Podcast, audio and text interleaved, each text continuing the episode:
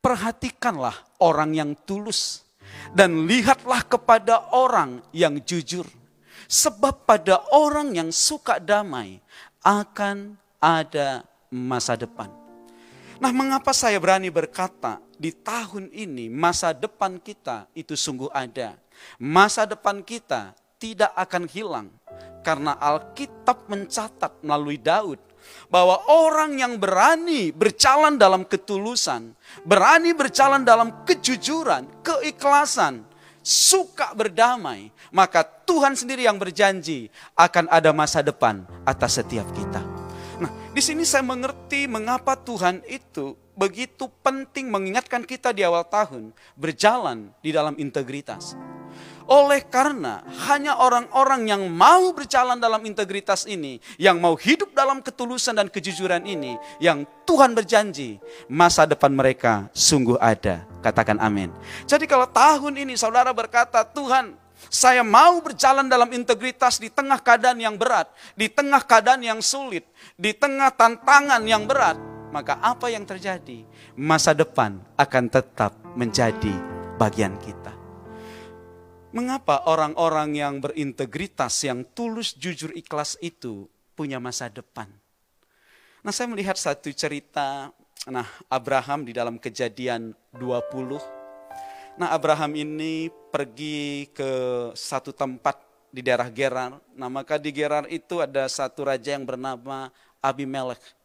Nah lalu waktu di perjalanan maka Abraham berpikir karena dia punya istri Sarah itu sangat cantik.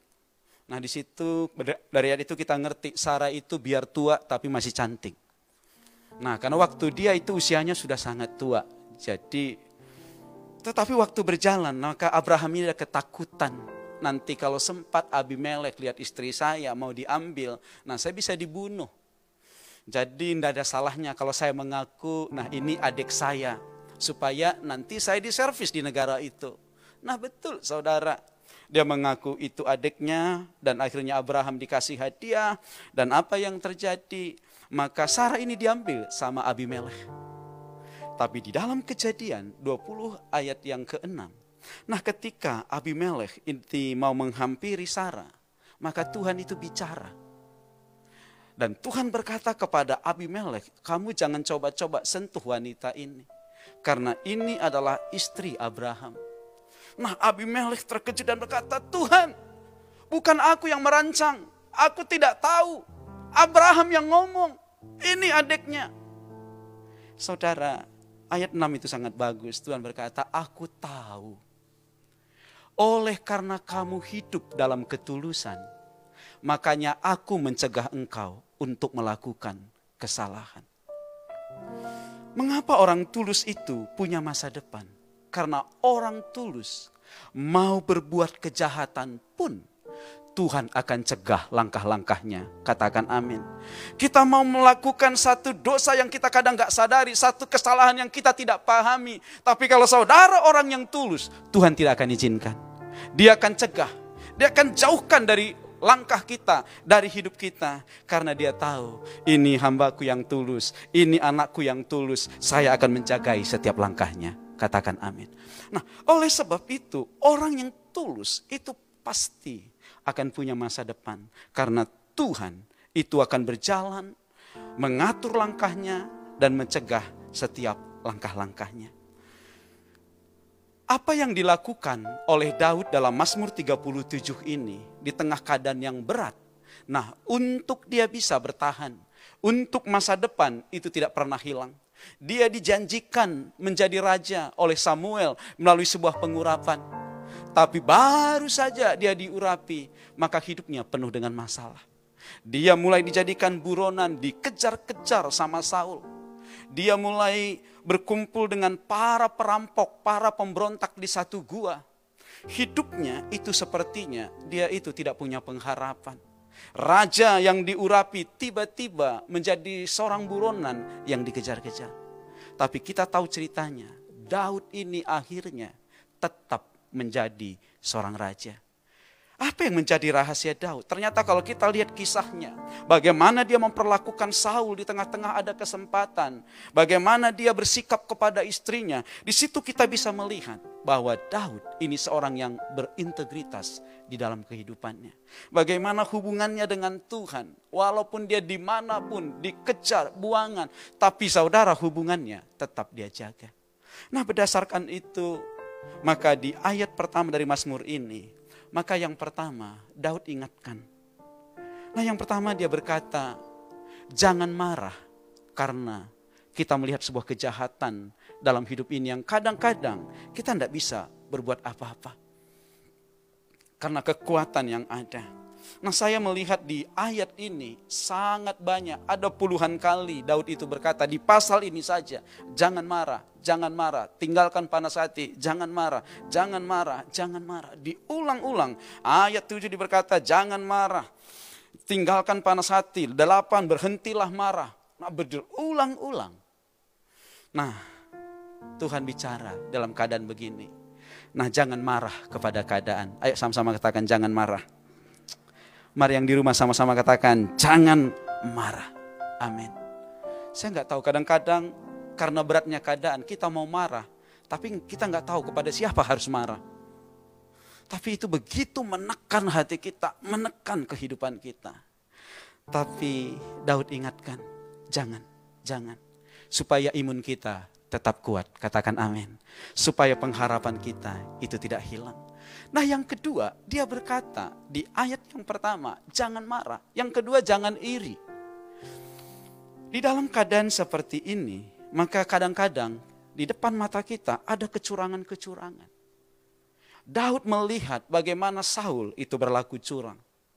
Daud melihat bagaimana orang-orang yang di sekitarnya itu berlaku curang. Tapi supaya dia tetap punya masa depan, maka apa yang Daud lakukan? Dia berkata, jangan iri karena melihat orang melakukan kecurangan. Biarlah waktu kita melihat kecurangan tidak menjadikan kita ikut curang. Tapi biar waktu kita melihat kecurangan, kita tetap menjaga bahwa kita adalah orang yang berintegritas, orang yang tulus, orang yang ikhlas, orang yang sungguh-sungguh memegang kebenaran firman Tuhan. Katakan amin. Jangan karena sebuah kecurangan, lalu kita berkata, saya harus hadapi juga dengan kecurangan supaya bisa berhasil. No, mari tetap hadapi semuanya dengan integritas yang daripada Tuhan. Ketiga saudara apa yang Daud lakukan? Maka dia berkata ayat 3 dan 5 tetap percaya dan berserah kepada Tuhan. Di dalam keadaan seperti ini maka iman kasih kita kepada Tuhan itu akan diuji. Tapi Tuhan mau supaya kita ini tetap percaya dan berserah kepada Tuhan percaya dan berserah ini saya pisah. Memang ini sesuatu yang berbeda. Yang benar itu percaya dan berserah. Karena banyak orang percaya, tapi dalam hidupnya dia tidak berserah. Atau orang yang kedua, sepertinya dia berserah kepada Tuhan, tapi sebenarnya dia tidak percaya kepada Tuhan. Kalau disebut orang percaya, kita semua yang ada di ruangan dan ada di rumah, ini adalah orang-orang percaya. Tetapi pertanyaannya, apakah kita orang-orang yang berserah kepada Tuhan? Atau kita orang yang mengandalkan kekuatan kita? Atau kita mulai berserah dan pasrah karena tidak ada lagi pilihan. Tapi sebenarnya kita meragukan Tuhan dalam hidup ini. Tapi Daud minta kepada setiap kita orang yang berintegritas yang tulus ikhlas. Dia akan tetap berusaha percaya kepada Tuhan dalam segala keadaan. Dan dia tetap berserah bahwa masa depannya itu Tuhan yang jamin. Katakan amin. Berikutnya saudara, maka ayat yang keempat, Daud ini mengingatkan, nah jangan sampai keadaan ini membuat kita sedih. Membuat kita kehilangan gairah dan semangat. Untuk bisa punya integritas di ayat 37 tadi, maka ayat 4 dikatakan, bergembiralah karena Tuhan. Tema ini kita nggak perlu perdalam karena beberapa bulan yang lalu kita punya satu tema spesifik. Tuhan berbicara tentang bergembira, tentang bersuka cita di dalam Tuhan. Dan diulangi oleh Daud untuk tulus. Memang saudara, kita harus bergembira karena Tuhan. Katakan amin. Karena tidak ada ayatnya makin nangis kita, makin sedih kita, makin kasihan Tuhan. No. Justru waktu kita bergembira, dia memberikan apa yang menjadi keinginan dan kerinduan hati kita. Nah saya punya anak waktu kecil, mereka kecil-kecil. Nah kita juga punya tentunya pernah punya anak yang kecil, yang minta sesuatu kepada kita, kepingin dibeliin sesuatu. Nah pasti kita rindu anak kita itu kalau minta, itu dia sambil tersenyum. Papi, mami, adek beliinlah A. Dia bersuka cita memintanya sebagai satu bukti bahwa dia percaya orang tuanya itu baik dan akan memenuhi permintaannya. Nah, kadang-kadang ada anak kecil waktu minta sama orang tuanya, mami, papi saya minta beliin A. Begitu nggak mau dia berguling-guling, dia bernangis-nangis, dia meronta-ronta supaya bukan, bukan itu anak yang dingin. Waktu anak itu baik, dia tersenyum meminta kepada orang tuanya.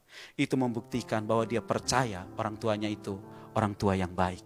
Waktu kita bersuka cita bergembira datang kepada Tuhan, itu membuktikan bahwa di dalam segala keadaan kita tetap percaya dia Bapa yang baik bagi kita. Amin. Berikutnya, apa yang dilakukan oleh Daud? Ayat yang ketujuh di dalam keadaan seperti ini berdiam diri dan dia terus menanti-nantikan Tuhan. Saudara yang dikasihi oleh Tuhan Yesus di masa sulit seperti ini, jangan mencari kekuatan ke gunung dan ke lembah.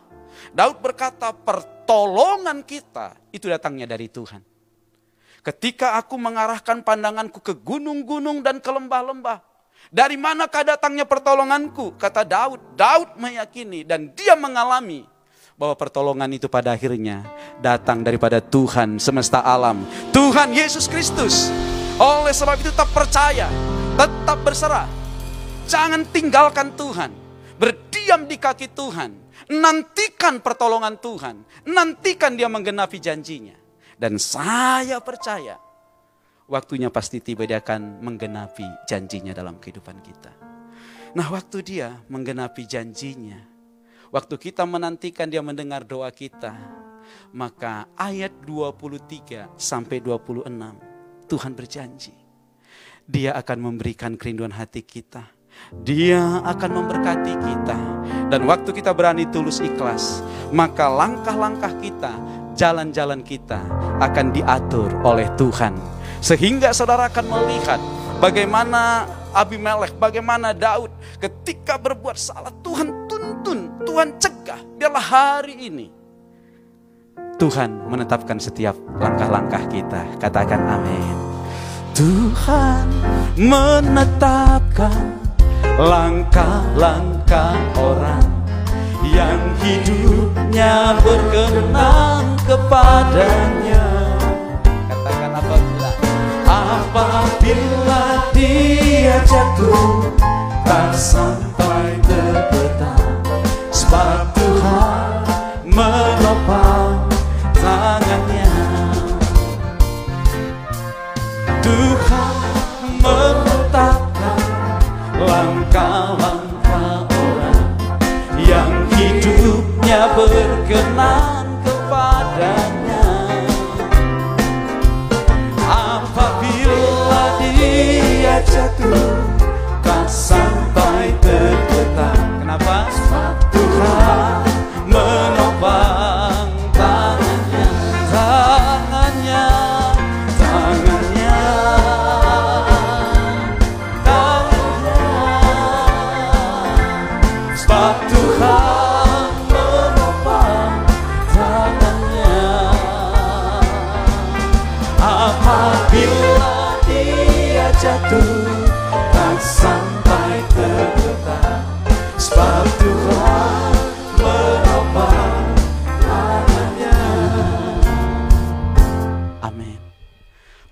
ayat 23 sampai 26 maka Tuhan itu akan menuntut langkah-langkah kita.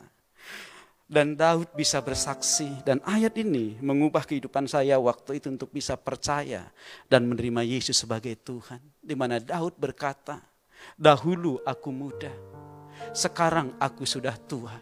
Tapi aku tidak pernah melihat anak cucu orang benar itu ditinggalkan oleh Tuhan atau meminta-minta roti. Tuhan berjanji kalau kita berjalan dalam ketulusan dan keikhlasan, bukan hanya kita, anak cucu kita itu akan dijaga, diberkati, dipelihara oleh Tuhan. Katakan amin.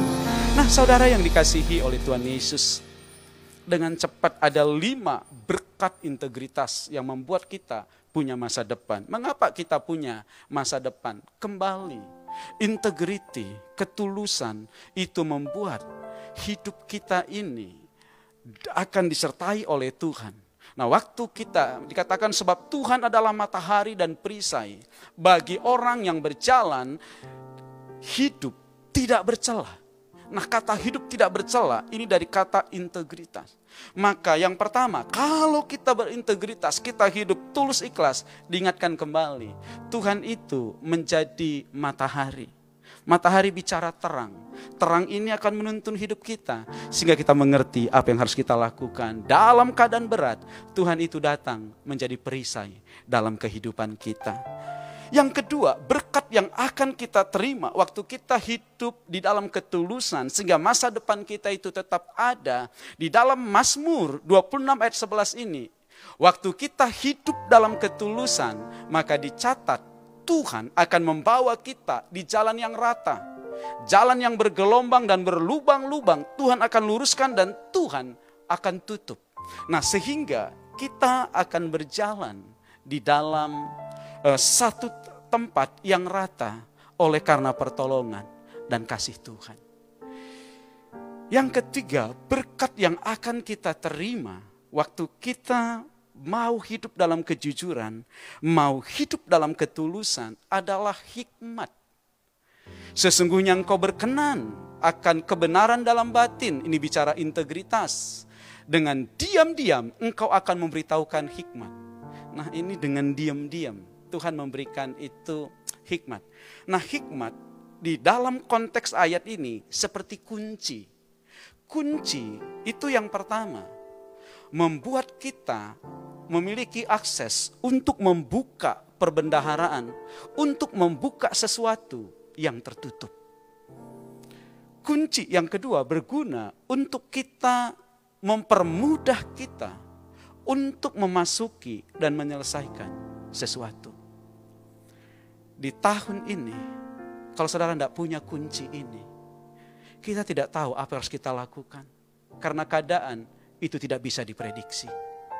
Tapi kalau Tuhan memberikan kunci ini, hikmat ini, yang pertama, saudara akan punya akses untuk membuka yang tidak bisa dibuka oleh orang lain. Yang kedua, Tuhan akan menolong saudara dengan kunci ini, menyelesaikan apa yang tidak bisa diselesaikan oleh yang lain. Oleh sebab itu, hiduplah dalam ketulusan dan keikhlasan. Yang keempat, berkat dan mengapa kita perlu berjalan dalam ketulusan. Nah ini yang saya teruskan. Nah untuk boleh datang dan melayani Tuhan, maka Daud mengingatkan setiap kita untuk berjalan di dalam integritas. Mazmur 101 ayat 6 dicatat, Mataku tertuju kepada orang-orang yang setiawan di negeri, supaya mereka diam bersama-sama dengan aku Siapakah mereka? Mereka adalah orang yang hidup dengan cara yang tidak bercela akan melayani aku.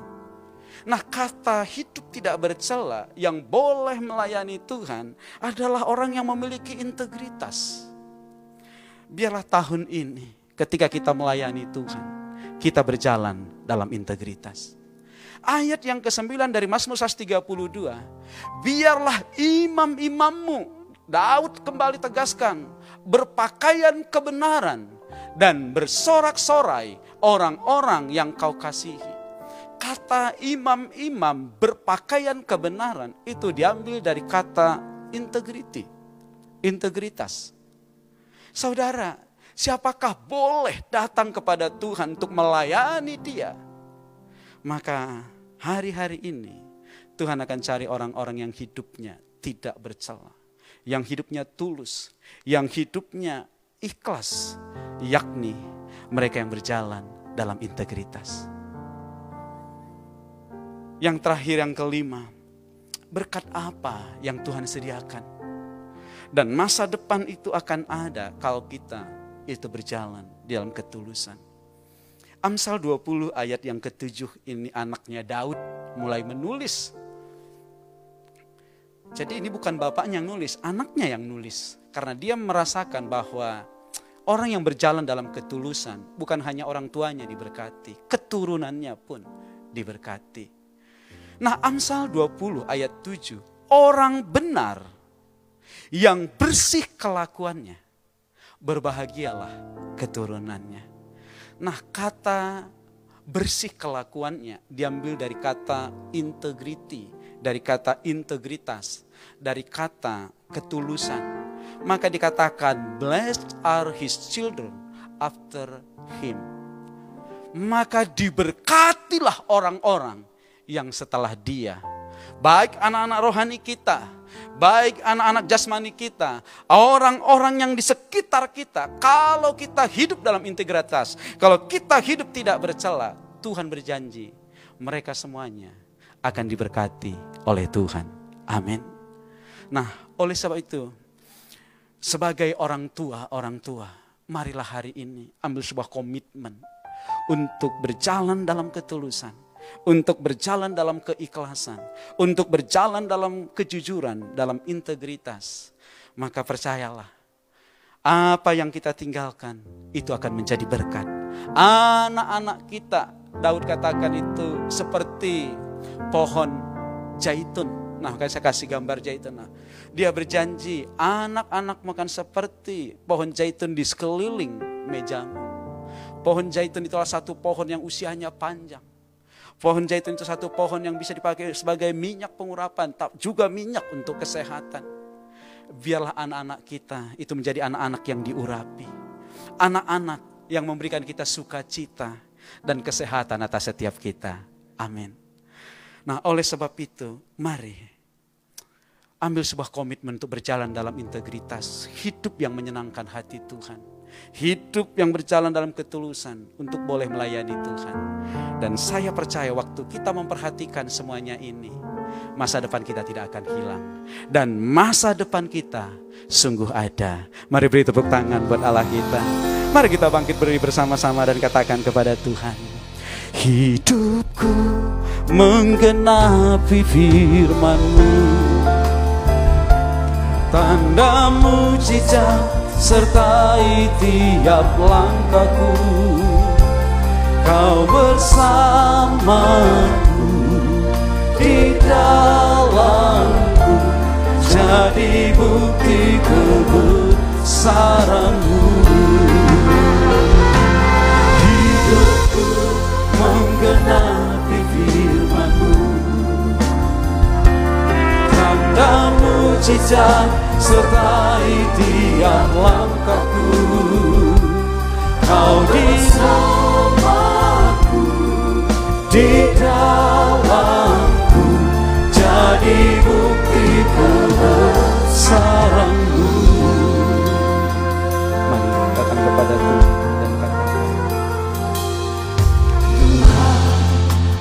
kau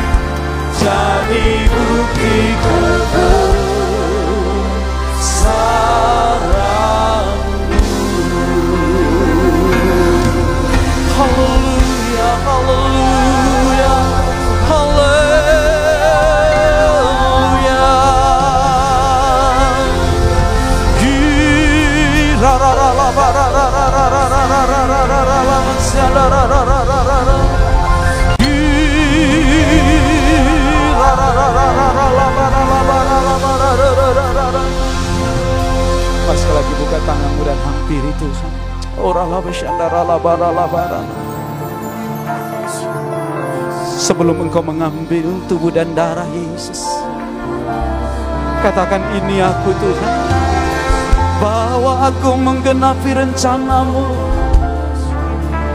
Biar kami berjalan bersamamu Tuhan Hirararala Haleluya ra ra ra la ba ra la ma ra ra ra ra la ba ra ra ra ra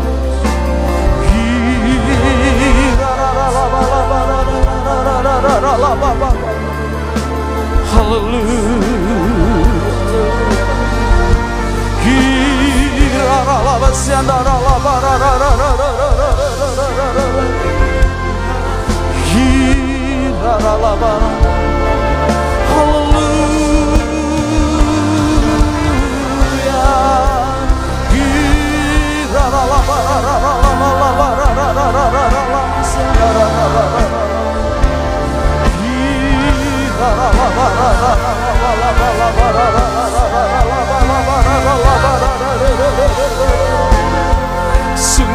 Masa depan itu ada Masa depan tidak akan hilang.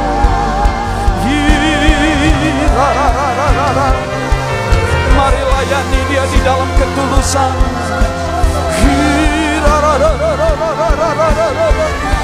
Anak cucumu akan dijamin oleh Tuhan Hirarararararararararararararararara.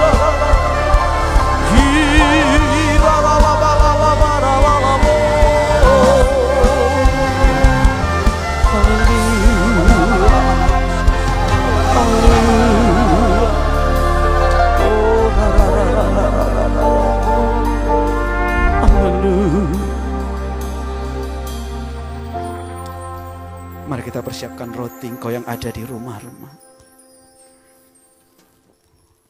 Hampiri Tuhan. Karena tidak ada yang dia tidak serahkan kepada kita. Hidupnya sendiri. Dia sudah serahkan sebagai bukti betapa dia sangat mencintai dan mengasihi setiap kita.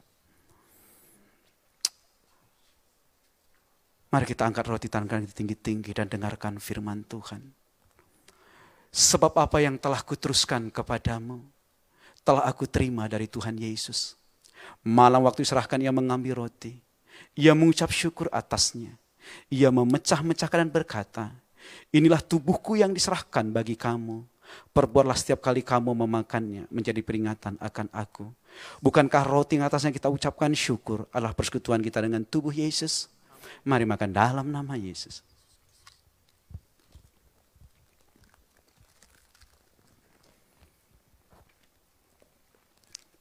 Mari kita angkat cawan di tangan kanan kita tinggi-tinggi. Demikian juga yang mengambil cawan sesudah makan lalu berkata, Cawan ini adalah perjanjian baru yang dimeteraikan oleh darahku. Perbuatlah ini setiap kali kamu meminumnya menjadi peringatan akan aku. Bukankah cawan yang atasnya kita ucapkan syukur adalah persekutuan kita dengan darah Yesus? Mari minum dalam nama Yesus.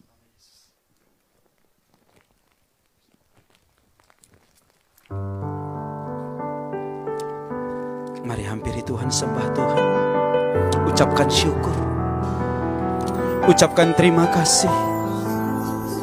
Segala pujian, hormat, kemuliaan. Terima kasih Tuhan. Terima kasih Yesus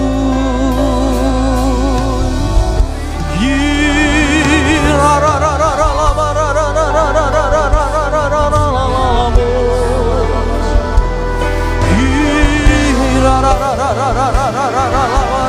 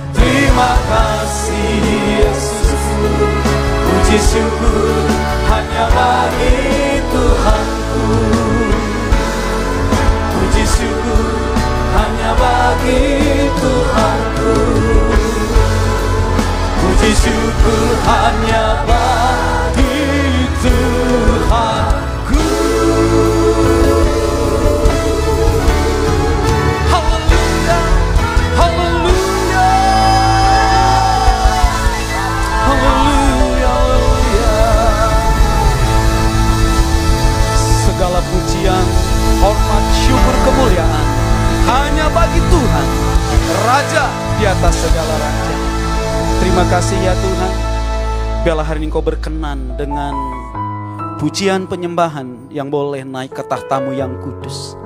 Dan hari ini kami boleh berdoa memohonkan belas kasihan atas negeri kami Indonesia. Biarlah Bapa, Indonesia dalam hatimu, ada dalam rencanamu, ada dalam pikiranmu. Biarlah Presiden, Wakil Presiden, para menteri, TNI, Polri, lembaga-lembaga yang ada di negeri ini Tuhan terus menuntun. Tuhan terus menyatakan dirimu Sampai satu hari setiap lutut akan bertelur. Setiap lidah akan mengaku bahwa Yesus itu adalah Tuhan atas negeri ini. Terima kasih Bapak yang baik. Kami berdoa buat para pemimpin rohani kami. Tuhan berkatmu atas hambamu Bapak Pendeta Dr. Insinyur Niko Nyotora Harjo. Berkatmu atas ibu dan anak-anak yang Tuhan percayakan. Berkatmu atas gembala sidang kami Bapak Pendeta Daniel Edi Praid Berkatmu atas Ibu Intan, Melsa, dan juga Yuda ya Tuhan. Berkatmu atas kepala pembina kami, Bapak Pendeta Air Bambang Yona. Berkatmu ya Tuhan atas Ibu Sang. Berkatmu atas Alfred dan juga Tiffany. Berkatmu atas para wakil gembala yang Tuhan percayakan di wadah ini. Bersama dengan keluarga besar mereka. Bila para pemimpin kami ini boleh berjalan di dalam apa yang menjadi isi hati Tuhan. Engkau terus menuntun gerejamu dan membawa umatmu ke air yang tenang dan padang rumput yang hijau. Biarlah pewahyuan yang baru yang berasal dari Tuhan. Engkau nyatakan hari demi hari ya Tuhan. Sehingga gerejamu akan menggenapi apa yang menjadi isi hatimu. Terima kasih Tuhan berkati setiap anak-anakmu yang hari ini dalam keadaan sakit. Engkau Allah Yehova Rahman. Allah yang menyembuhkan. Biar oleh karena bilur-bilurmu sembuh dalam nama Yesus Kuasa darahmu menyembuhkan mereka dalam nama Yesus. Dan hari ini kesembuhan ini akan menjadi bagian setiap kami. Terlebih rekan-rekan kami, sahabat-sahabat kami ya Tuhan. Dan kami juga bersyukur kalau kami boleh mendengar sahabat-sahabat kami. Tuhan sembuhkan, Tuhan pulihkan, dan kembali melayani bersama-sama dengan kami. Terima kasih Bapak. Kami juga berdoa seluruh umatmu yang membawa persembahan kepadamu. Persembahan persepuluhan, ucapan syukur, pembangunan, diakonia, misi dan persembahan-persembahan khusus lainnya. Biarlah engkau berkenan menerima korban persembahan yang dibawa oleh anak-anakmu dengan hati yang mengasihi. Dan kau melipat gandakan setiap benih yang ditabur ya Tuhan. Dan biarlah hatimu disenangkan lewat persembahan yang dibawa karena mengasihi Tuhan. Kami angkat tangan kami buat kota kudusmu Yerusalem. Salam Yerusalem. Biarlah sentosa ada di dalam puri-purimu. Shala dan salva itu ada di dalam kotamu. Dan diberkatilah orang yang memberkati Yerusalem. Terima kasih Bapak. Sebentar kami akan mengakhiri ibadah kami. Biar engkau berkenan mengulurkan tanganmu dan memberkati setiap kami. Mari saudara yang dikasih oleh Tuhan Yesus. Angkat kedua tanganmu dan wajahmu ke surga. Dan terimalah berkat Tuhan. Pulang dan bawalah anugerah damai yang berlimpah-limpah daripada Allah Bapa.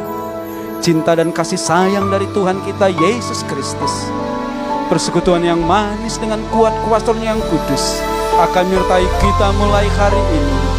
Yesus datang kali yang kedua, Maranatha bahkan sampai selama-lamanya. Di dalam nama Tuhan Yesus, mari kita yang percaya bersama-sama katakan, Amin. Shalom, selamat pagi, dan Tuhan Yesus memberkati setiap kita.